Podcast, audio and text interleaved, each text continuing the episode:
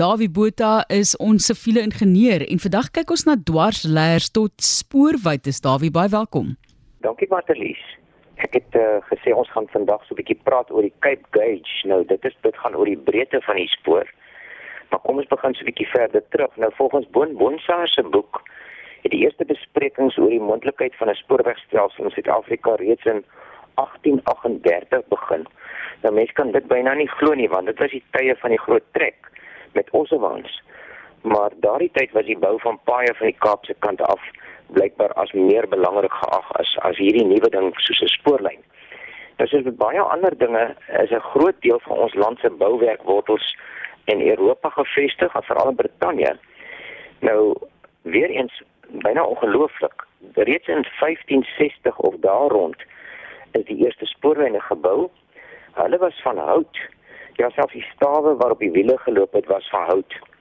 En hierdie eh, die waans is deur perde getrek en was veral gebruik uh, by myne. Nou daarna het gietyster spore gevolg en daarna so om by 1820 is dit sneeuister.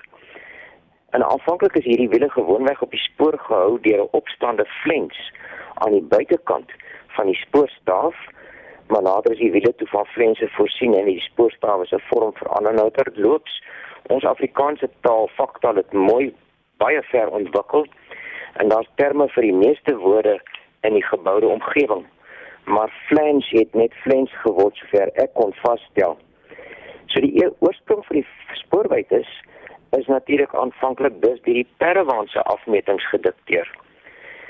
Nou, toe hier in rondom 1825 die eerste stoomlokomotiewe verskyn, soos gebou deur onder andere George Stevenson.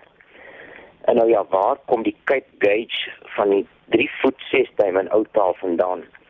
Nou, aanvanklik is breër spoorwytes gebruik, maar die 3 voet 6 duim of in hedendaagse formaat 1,067 meter het begin vasdrap plek kry in Nieu-Seeland hier rondom 1873.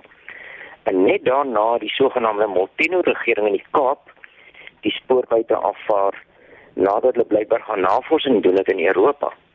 Nou hierdie nouer in in aanhangsteke spoorbuite was meer geskik vir bergpasse. Ek dink ek kon nou ja gesê mens kan die draaie bietjie bietjie korter maak en dit gou-gou die standaard geword in Suid-Afrika. Maar die eerste spoorlyn in Suid-Afrika was in Durban 1860.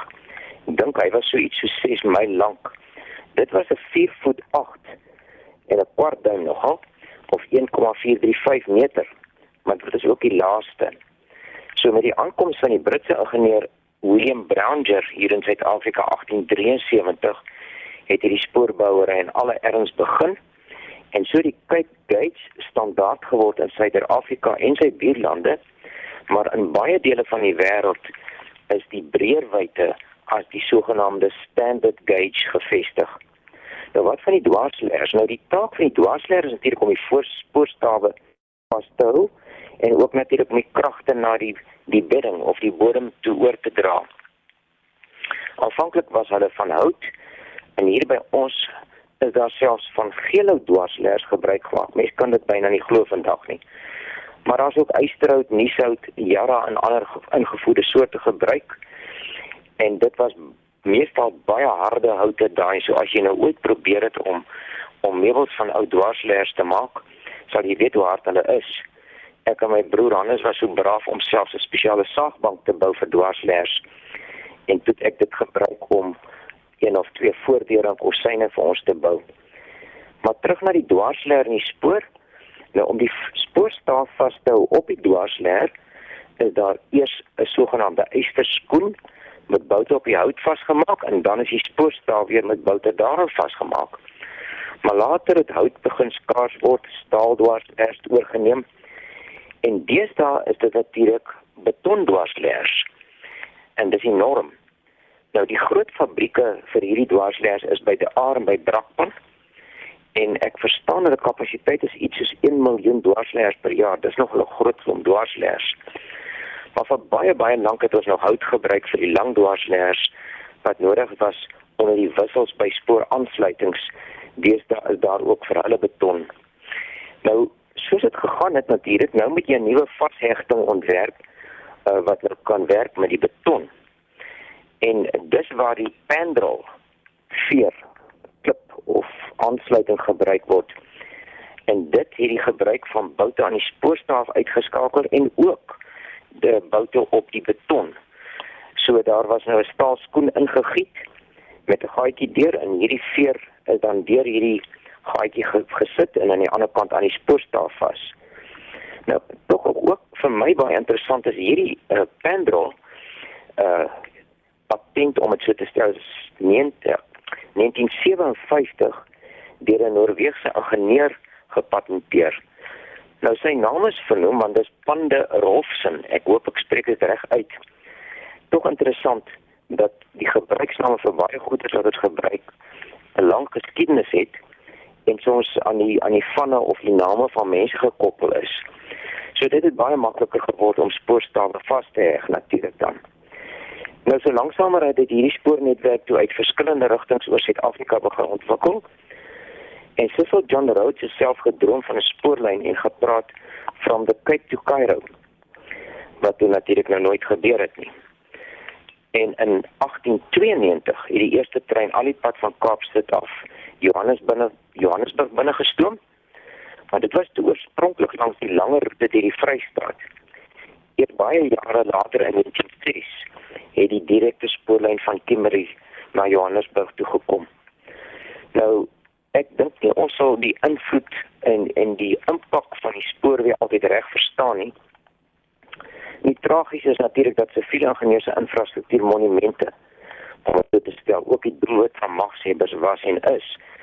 En hier in ons eie land het daar tydens die Anglo-Boereoorlog 'n stryd ontstaan om die vervoerroetes te beheer. En is die baie bekende blokhuise langs die spoorlyne gebou waar die brûe oor die riviere was en daar het die die, die Britte natuurlik gesit uh gewapen en uh die brûe opgepas. Uiteindelik was daar meer as 400 van hierdie strukture en 'n hele klompie van hulle staan nog vandag pragtige strukture met plaaslike klip gebou.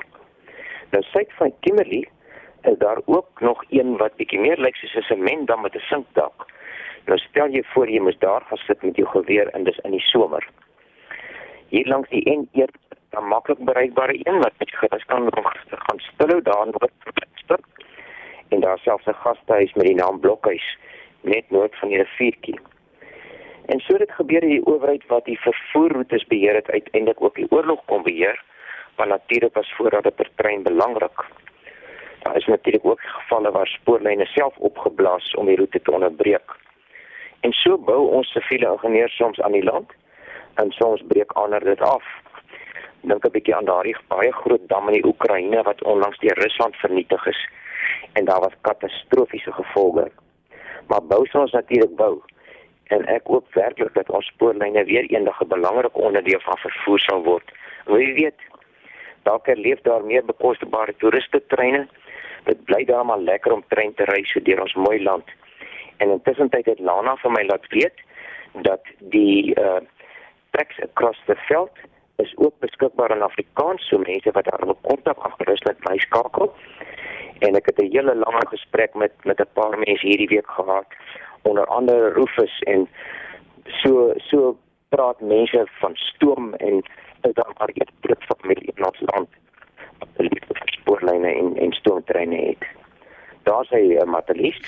Daar sê en daar is jy ook weer. Ons sê vir jou baie dankie. Hulle net so klein bietjie geen moeilikheid maak hier in die einde, maar dit natuurlik die bekende spreker op 360, Dawie Botha wat 'n siviele ingenieur is en vandag gepraat het oor dwarsleers tot spoorwytes. Baie dankie Dawie, heerlike dag vir jou verder.